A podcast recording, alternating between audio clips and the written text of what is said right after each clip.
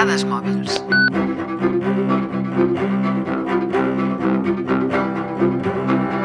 El desenvolupament de l'home depèn fonamentalment de la seva invenció.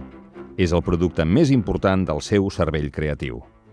Ho va dir Nikola Tesla, definit per molts com el geni que va il·luminar el món, tot i que va quedar a l'ombra d'Edison i Marconi.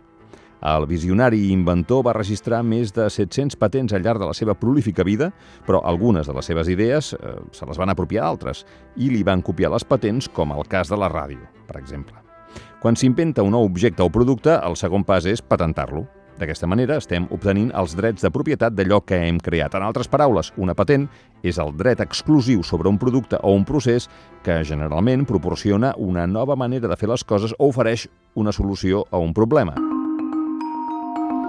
Les patents són manifestacions palpables i jurídicament vinculants al geni i la capacitat d'innovació d'una persona.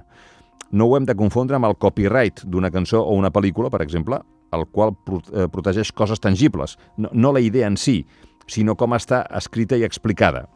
Una patent seria una mena de copyright d'un invent. Ens podem protegir eh, una idea o un disseny. Això sí, haurem de demostrar la seva originalitat i la patent té una validesa de 20 anys des de la data de presentació almenys a Catalunya i als Estats Units. Un cop passat aquest temps, la invenció és de domini públic i qualsevol persona la pot emprar lliurement.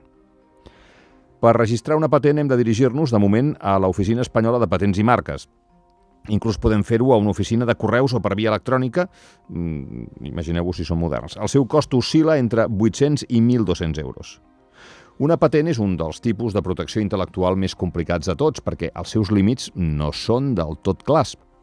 Potser a l'època de Tesla i d'Edison encara hi havia invents nous, però avui en dia els invents solen ser adaptacions, millores o combinacions de diverses patents anteriors. Patentar una idea no és una tasca senzilla, però sí un element imprescindible en la vida d'un inventor. Si bé el procés pot ser complicat i esgotador, ser el propietari de les teves idees sobre paper ha de ser molt satisfactori. I, com és habitual, els humans tendim a estirar més el braç que la màniga i sempre n'hi ha que proven d'anar fins a límits. Per exemple, n'hi ha que han intentat patentar un bistec. No? De debò, que no m'ho invento.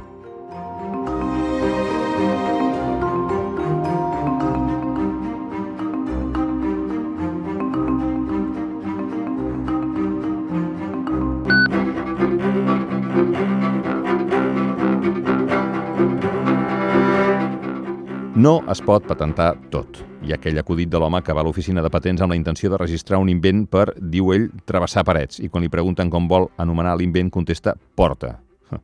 Almenys a Europa no es poden patentar descobriments, teories científiques, formulacions matemàtiques, obres artístiques, mètodes econòmics, programes d'ordinador, races d'animals i probablement eh, tampoc les portes. Però als Estats Units la cosa canvia i als últims anys s'ha produït dos casos ben curiosos relacionats amb el món de les patents que donen una idea de com és d'enrevessat aquest món. El cas del bistec i l'atac de les patents. If I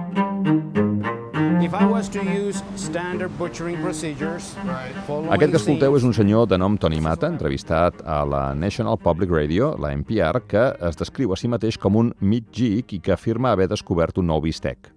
Tot i que els bistecs existeixen des que l'home va aprendre a caçar, Tony Mata afirma haver trobat una nova invenció en aquest camp. Aquest científic de la carn diu que ha descobert una novetat exquisida i pel moment eh, top secret. I és top secret precisament perquè està a mig camí d'aconseguir una patent. Però es pot patentar un bistec? Segons la llei de patents dels Estats Units, hauria de complir tres requisits. Ha de ser una idea nova. No pot ser una cosa òbvia. Ha de tenir alguna utilitat. No sabem com carai serà aquest bistec, però sabent això potser sí que acaba sent patentat. Coses més estranyes s'han registrat a l'oficina de patents nord-americana. Per exemple, el fet de passejar un gos amb la corretja lligada a una bicicleta o el fet de llançar les restes d'un cos incinerat des d'un avió. Però les patents són una eina perillosa al mateix temps. És el cas de companyies conegudes com patent trolls que s'encarreguen de comprar moltes patents i després demandar les empreses que les utilitzin, com és el cas d'Intellectual Ventures, fundada per l'antic cap de l'oficina de tecnologia de Microsoft, Nathan Mirvold. We really believe in what we do. Aquest que escolteu és el senyor Mirvold i ell es defensa explicant la seva versió, versió de la història. Diu que el seu objectiu és fer pagar a les empreses que utilitzen patents de particulars que no poden defensar els seus drets. compren aquestes patents i emprenen accions legals. Serà aquesta la fi dels petits inventors? Es reduirà tot a quatre grans companyies que posseiran els drets de totes les patents? Podria ser. Ja sabeu que en altres camps ja hem demostrat ser especialistes en concentrar cada vegada més en cada vegada menys mans.